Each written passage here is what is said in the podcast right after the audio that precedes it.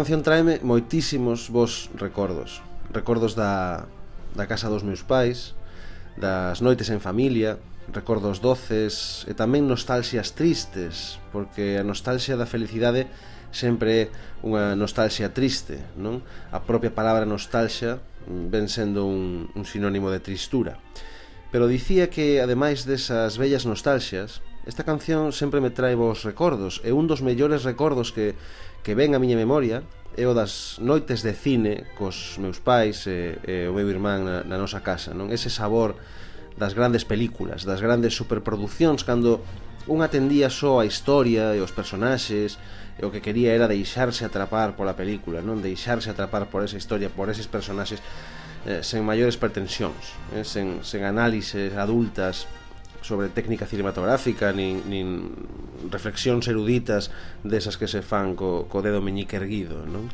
E diso imos falar hoxe neste espazo que, que como sabedes, mm, sempre ten como pretexto a música. Imos falar de cine. Porque o cine ten algo máxico, ten algo misterioso, algo que que semella inalcanzable para, para a inmensa maioría da xente. E se o pensades ben, eh, é normal que pareza algo difícil de dominar, non? Difícil de alcanzar, para, cal, para calquera de nós porque o cinema é posiblemente a expresión máxima do traballo creativo colectivo mm? constitúe mm, dende o punto de vista de quen quere contar unha historia unha das formas máis complexas de, de narrar porque hai que concibir o relato hai que armalo hai que representalo, hai que plasmalo nunha cinta e iso exixe, eh, ademais do, do propio esforzo creativo, claro, a perfecta sincronización eh, dun bo número de vontades distintas, porque o cine é un traballo en equipo. A mí non me gusta dicir eh, que unha película é dun determinado director, por exemplo, non? Ou ler as típicas presentacións ou anuncios estes que din a película dos guionistas de tal outro filme, non? Non, a película é de moita xente. Unha, unha película é de moita xente. A palabra cineasta debería referirse a cada un dos que aporta o seu traballo para que unha película eh, saia cara adiante a, a, a diferenza da, da literatura eh, o feito de que un relato sexa deseñado eh, eh, se desenvolva dun modo concreto eh, e de ningún outro no cine, con todo o que iso supón eh, non depende únicamente do talento e o traballo dunha súa persoa eh, que, no, que, que no asunto literario sería o escritor non?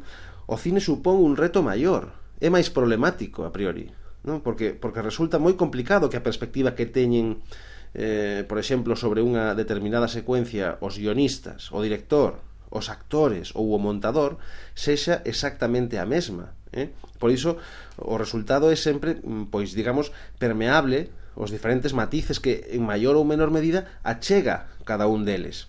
E como consecuencia, unha mesma escena pode converterse en ocasións mm, noutra escena moi distinta en función de cada unha das pezas que conforman este eh, quebracabezas cinematográfico.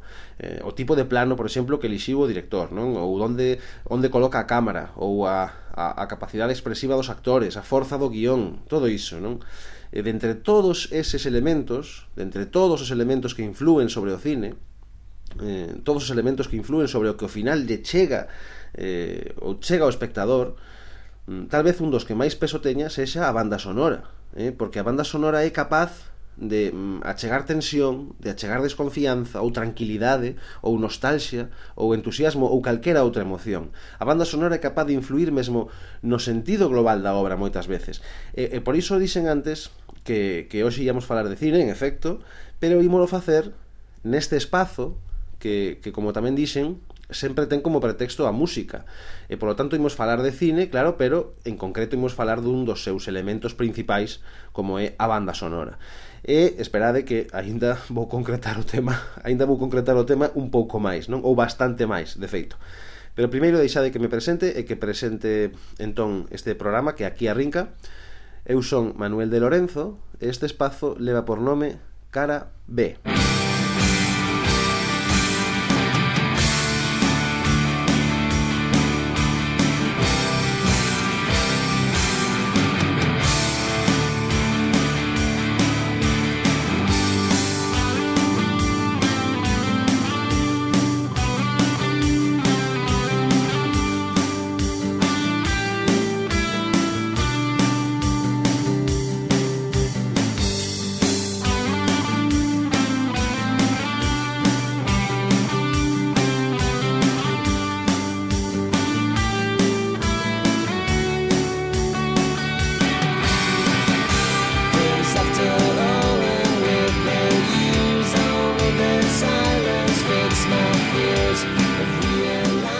pensádeo ben, eh, sen, sen banda sonora non habería cinema, eh? ou polo menos eh, non habería cinema tal e como hoxe o coñecemos, como como vehículo de expresión artística, de feito, a, a banda sonora forma parte dos propios cimentos do cine, non dos propios cimentos do que entendemos por película. Eh, E no caso de algunhas delas, no caso de algunhas películas, faino dun modo especialmente relevante. A min pareceme imposible pensar, eh, por exemplo, en, en Memorias de África, e non evocar inmediatamente esa delicada melodía para violín coa que John Barry ambienta a película, ou lembrar a misión e non escoitar case sen querer na nosa cabeza o, o boe de Gabriel, que é ese tema principal tan conmovedor que escribiu Ennio Morricone e que aínda hoxe resulta moi difícil de igualar na miña opinión. Hai películas que son inseparables da súa banda sonora. A asociación mental que se produce entre a, entre a historia e a, e a música que a sostén é ás veces inevitable. E sí, é certo que hai que que distinguir entre a canción principal ou o tema principal dunha película e a súa banda sonora e a música incidental. É verdade, son conceptos distintos, pero este non é un programa sobre aspectos técnicos dunha determinada disciplina, e, e moito menos sobre aspectos técnicos do cine, non? Entón, quedemos co termo banda sonora como termo xenérico, eh, como a música que ambienta unha película. E entendamos que cando cando falo de banda sonora, fago referencia tamén pois a ese tema principal que aparece eh, varias veces na, na película en, en diferentes momentos da historia e que serve como, como anclaxe que nos lembra que a película que estamos a ver é esa en concreto, inseparable como dicía, eh, desa, desa canción coa que a identificamos. Porque isto acontece moitísimo. Películas que, que visualizamos en canto escoitamos a súa banda sonora. Eh, forma parte delas ata tal punto que non é posible entender eses filmes sen a súa canción principal ou a, ou a súa banda sonora, que en moitos casos está formada realmente por varias cancións, non? Por varios temas, segundo a parte da película que sexa, ou mesmo por unha orquestración enteira eh, que repite en diferentes partes da historia un leitmotiv moi recoñecible que por certo isto é algo que non inventou o cine isto, isto é algo que inventou Wagner para as súas óperas pero dixo, de, diso xa, xa falaremos outro día Estaba a dicir que eh, eh, iso de que a banda sonora é inseparable da película acontece, por exemplo, en títulos míticos como Indiana Jones, Superman, Parque Xurásico, Tiburón, A lista de Schindler, Harry Potter, Só en casa ou mesmo a fantástica ET eh, o, o, o extraterrestre, non? A banda sonora desas películas Eh, é, eh, inseparable da súa propia historia non? Pensar nestas películas é conectar automáticamente eh, coas súas bandas sonoras. Un pensa en Indiana Jones e pensa na, na, na canción de Indiana Jones. E un, un pensa en Superman e pensa na banda sonora de Superman ou Parque Xurásico ou ET e posiblemente non se trata dunha casualidade que o autor de todas as bandas sonoras das películas que acabo de mencionar o autor de todas elas sexa John Williams. É un dos, un dos grandes autores de música para o cinema. O autor de algúns dos temas máis afamados da historia do cine, eh, como o de Superman, non? Que é o tema co que abrimos o programa de hoxe. Ou, ou este outro tema que está na memoria de todos nós e que vai vos facer visualizar inmediatamente a un arqueólogo, profesor universitario e aventureiro que adoita lebrar sombreiro e un látego que se chama Henry e que é coñecido como Indiana Jones. Indy para os amigos. Música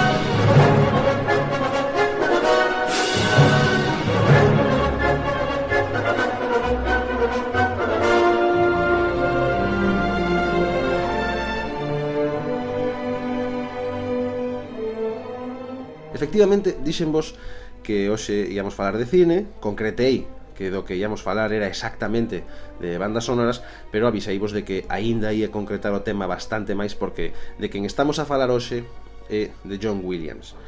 Eh, probablemente xunto con Alan Silvestri, Ennio Morricone, eh, Henry Mancini e Hans Zimmer, pode que John Williams sexa un dos cinco mellores compositores de bandas sonoras da historia, eh?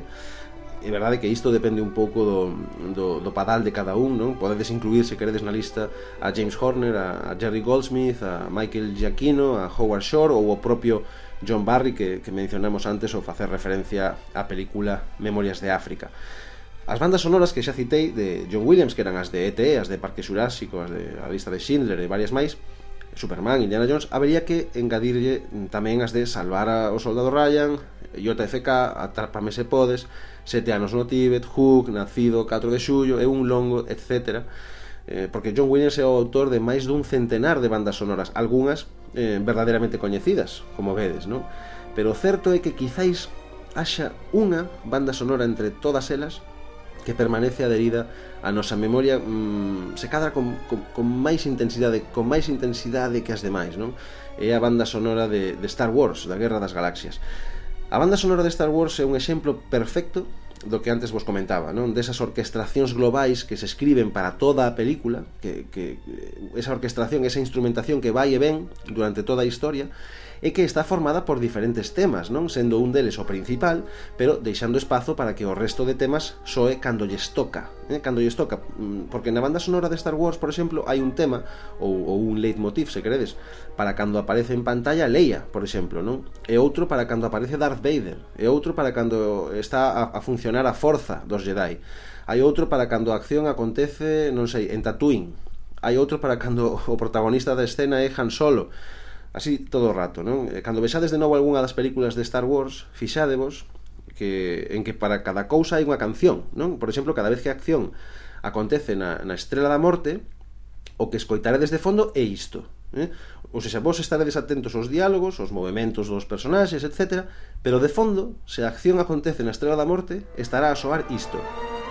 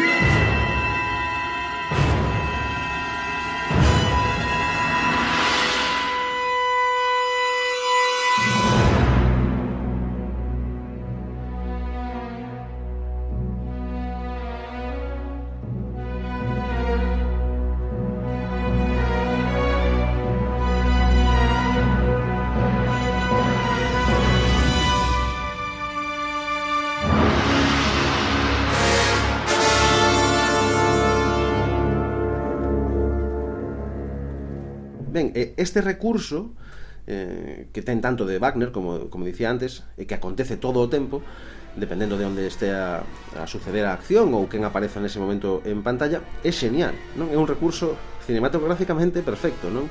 E quedará para sempre como unha obra mestra das bandas sonoras, a de Star Wars. Eu lembro cando, cando nunha entrevista para unha emisora de música clásica, John Williams confirmou que unha vez rematada a postproducción do episodio 9, pois el deixaría a saga, non? Antes de que a JJ Abrams ou a Lucas se lles ocorrera propoñerlle escribir a banda sonora, a banda sonora de algunha outra secuela, pois el xa non ia facer eh, soar as súas sinfonías nese nese enigmático mundo que existiu hai moito tempo nunha galaxia moi moi afastada, non? Nese momento, eu pensei que coa marcha de John Williams mmm, desaparecía unha das figuras clave da Guerra das Galaxias. Por, por aquilo que vos comentaba o comezo de que de que unha película é un traballo en equipo, non? E que cada parte conta, cada elemento é fundamental. Todo o que conforma unha película, todo o conxunto é o que lle dá identidade. E a saga de Star Wars foi a saga que é, entre outras cousas, pola súa soberbia banda sonora, non? Unha instrumentación colosal, diso non hai dúbida, pero tamén unha instrumentación polémica, moi, moi polémica. E aquí é onde quería eu chegar porque non ian ser todo eloxios para, para John Williams, que xa sabemos todos que é un xenio, pero tamén é certo que son moitas as veces que John Williams foi acusado de plaxio. ¿Mm? Non digo que o acuse de plaxio, digo que foron moitas as veces nas que foi acusado de plaxio. Moitas as veces que lle acusaron de, de roubar ideas de outros, especialmente eh, debido ás numerosas similitudes da banda sonora de Star Wars, precisamente, con, con algunhas pezas clásicas. Eh, díxose que esa banda sonora recibía a influencia de Richard Strauss, ben, vale, de acordo, se é a influencia, pois, a ver, por iso non, por iso non multan a ninguén, non? eh, o propio Williams recoñeceu os préstamos de Edward Elgar na banda sonora de Star Wars. A ver, mmm, préstamos... Vale, eu podo entender que son chiscadelas ou, ou homenaxes a, a outros autores. O problema é que ás veces mm, os parecidos das pezas de John Williams achéganse demasiado a ese perigoso terreo da copia e por iso acusaron o, eh, en tantas ocasións de plaxiar, non? Imos ver algún exemplo, imos ver algún exemplo. Eh, algo que non sexa moi evidente para, para comezar, eh, aínda que, en fin, a cousa ides ver que ás veces é bastante obvia, non? Por exemplo, o tema da forza, non? Ese leitmotiv que aparece cando a cousa eh, trata da forza dos Jedi, non? Pois lembra moito eh, a un dos principais leitmotivs de Wagner, precisamente, en Sigfrido, unha das catro óperas que conforman o, o ciclo O Anel do Nibelungo. Aquí o mellor non notades tanto a, a, a similitude, pero comezamos por esta eh, para ir adaptando un pouco o oído. Escoitamos o tema da forza en Star Wars.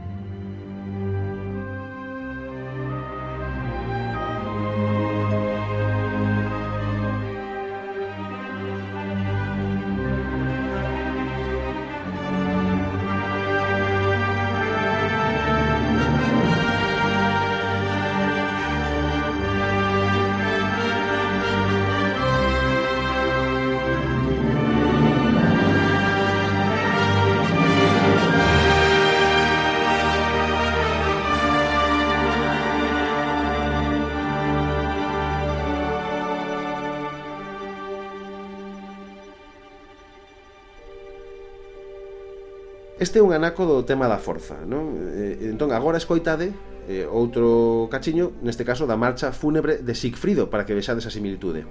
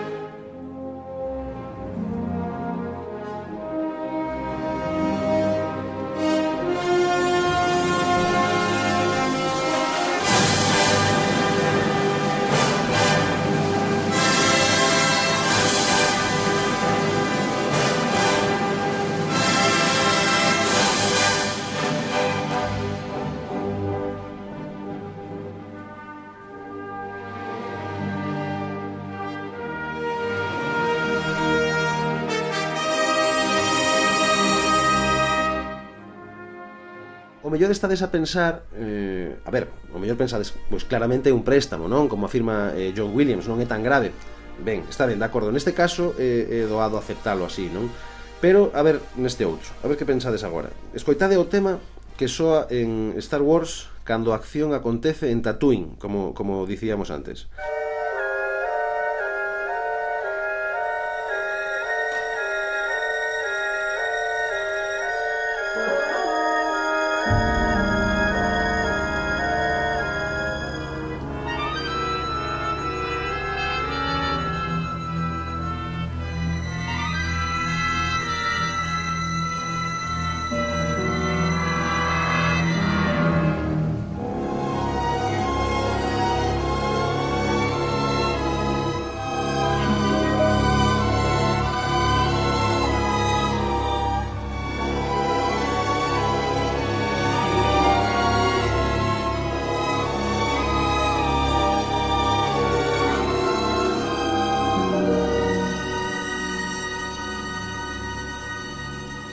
agora eh, escoitade o sacrificio, é dicir, a segunda parte da consagración da primavera de Igor Stravinsky. A ver se vos parece eh, máis semellante o tema de Tatooine.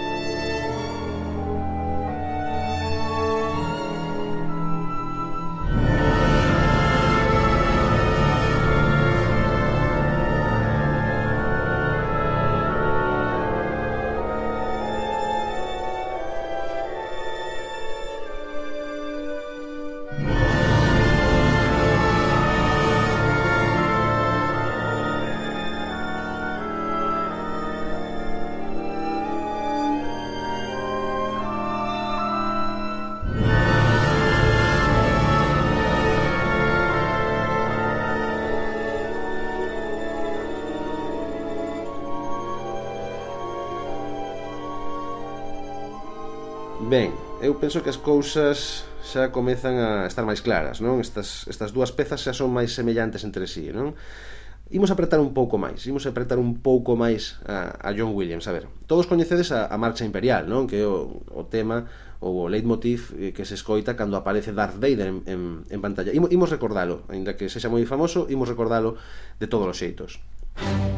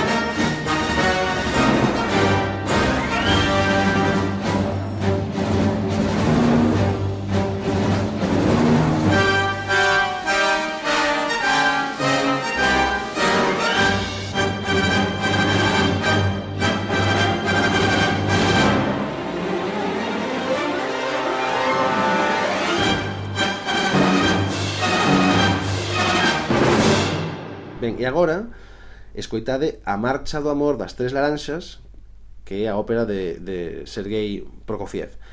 A ver se xa vos comeza a parecer máis sospeitosa a, a similitude.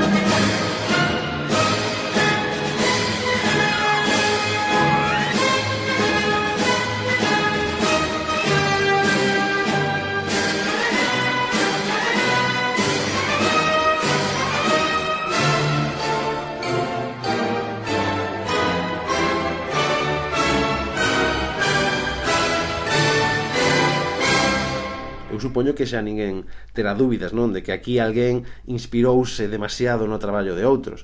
Eh, pero para rematar de convencer os, os incrédulos eh, vou xogar a miña, a miña mellor carta eh. eh? escoitade en primeiro lugar eh, o tema principal de Star Wars eh? veña, imos con todo o tema principal, o máis recoñecible o, o tema que asociades coa propia saga Música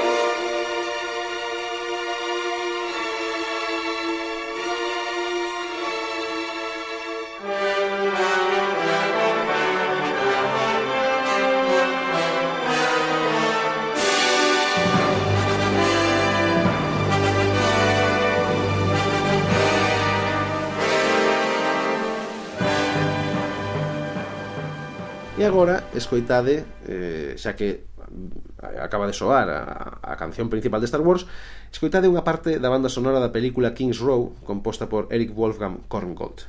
Isto xa, para min, é difícil de defender, eh? difícil de defender.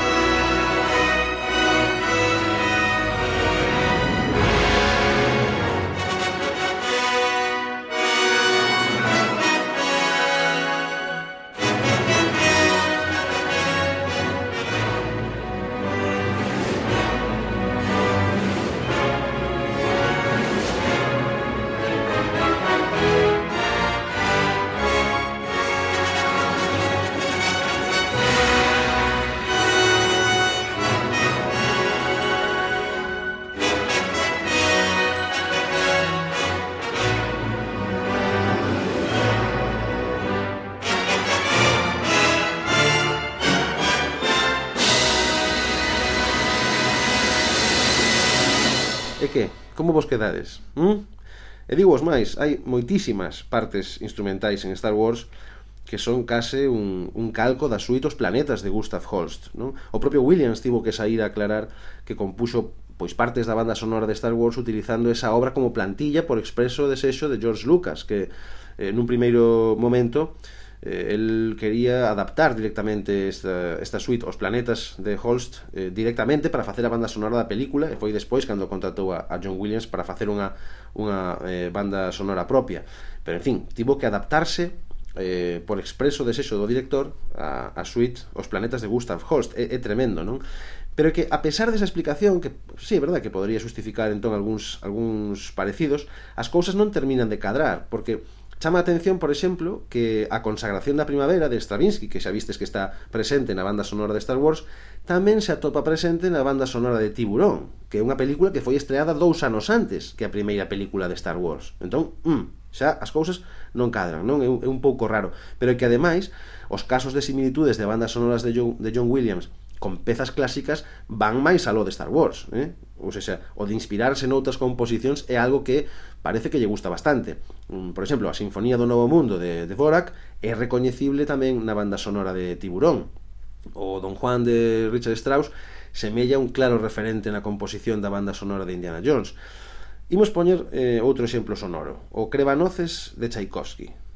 É unha peza que é sospeitosamente similar á banda sonora de So en Casa, de John Williams. Eh, escoitade esta parte da banda sonora de, de, de So en Casa xusto cando o neno está a elaborar o plan contra os ladróns. Thank you.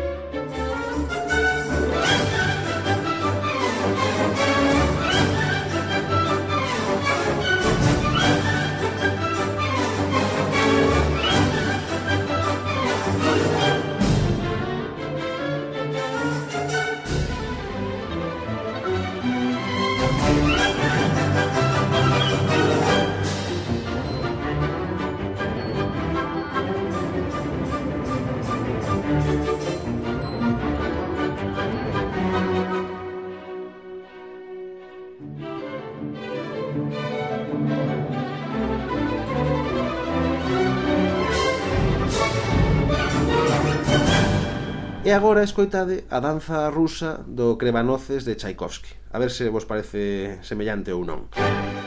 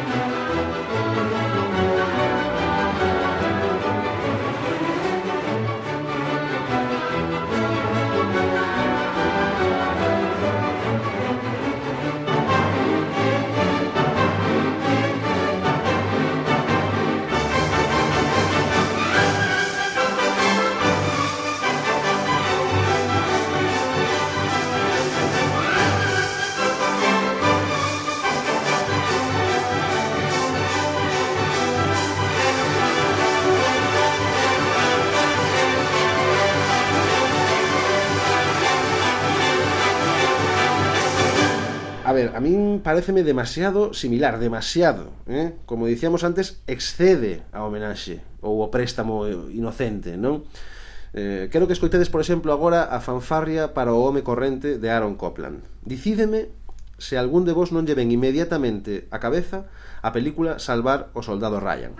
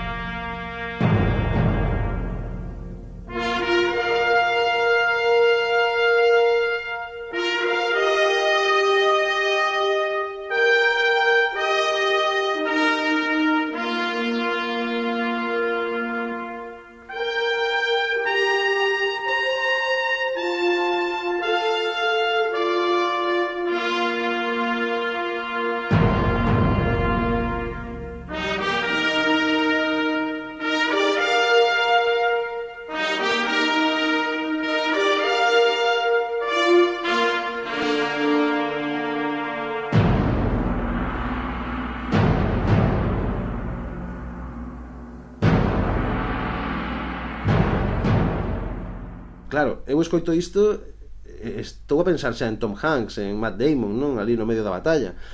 O certo é que as semellanzas entre algunhas pezas clásicas e as orquestacións de, de John Williams eh, sempre fixeron torcer o xesto a máis de un, non? Eh, sen embargo, e a pesar destes parecidos máis que razoables, mm, tal vez sería demasiado aventurado falar de plaxo, na miña opinión, eh?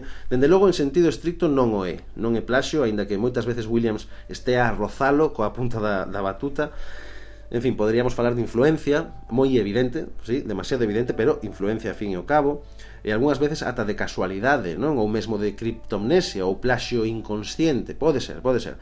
De préstamos exagerados, se queredes, nalgúns casos, pero pero de plaxio non. Se John Williams fose un ladrón, non estaríamos a descubrilo nós neste programa a estas alturas, non? Os suíces terían o condenado xa e, e nunca fixeron, as súas bandas sonoras non terían evitado os tribunais, non? E demais pasa outra cousa dificilmente pode un conseguir 5 Oscars, 4 Globos de Ouro, 23 Grammy, 3 Emmy e 7 BAFTA a base de plaxios. Eh? Se me preguntades a min, a pesar do que escoitamos neste programa de hoxe, eu defendo que eu defendo que John Williams é un xenio. E con iso basta.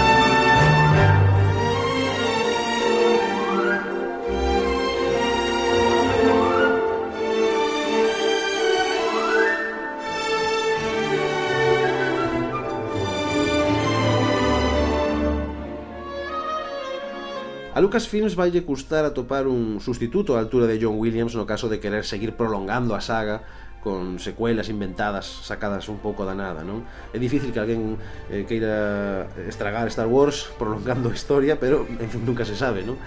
Eh, o que sí é certo é que John Williams non escribirá a banda sonora, nese caso, aínda que, visto que acabamos de ver ou, ou, ou escoitado o que acabamos de escoitar, hai que aceptar que, que sempre se lle pode solicitar algún compositor novo que realice a súa propia homenaxe ao seu predecesor, non? A súa propia homenaxe a John Williams. Sería o préstamo dun préstamo, non? E a fin e ao cabo, como dicía Pablo Picasso, os vos artistas copian, os xenios rouban. E, e, e a min, se me permitides, voulle engadir esta frase, rouban pero sen que se note demasiado, claro. Eh? E quen sabe, pode que esa fose en realidade a, a gran habilidade de, de John Williams, non? Ou tal vez non. Tal vez non, non o sei. Que a forza o acompañe.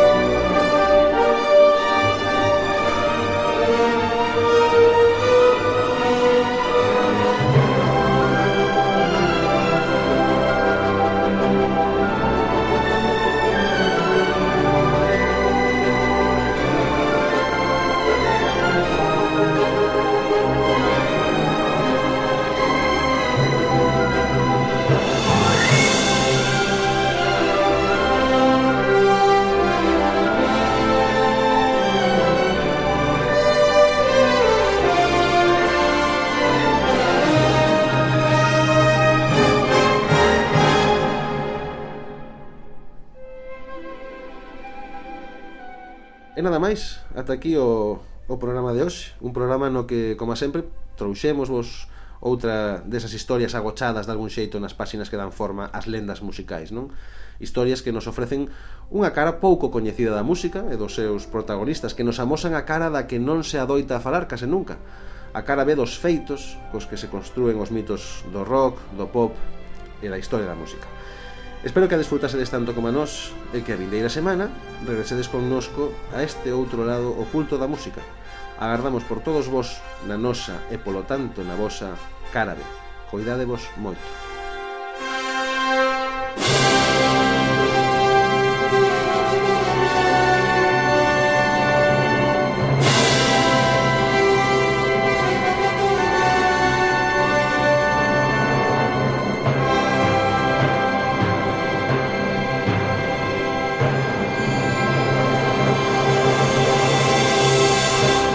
Cara B, con Manuel de Lorenzo.